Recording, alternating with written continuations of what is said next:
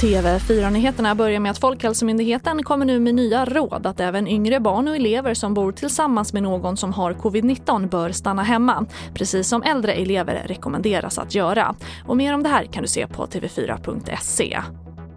Och klockan 11 om drygt en timme håller utbildningsminister Anna Ekström en pressträff om åtgärder för barn och elever i förskola och skola angående corona. Och då lär väl det här utvecklas. Och den kan du följa på tv4.se.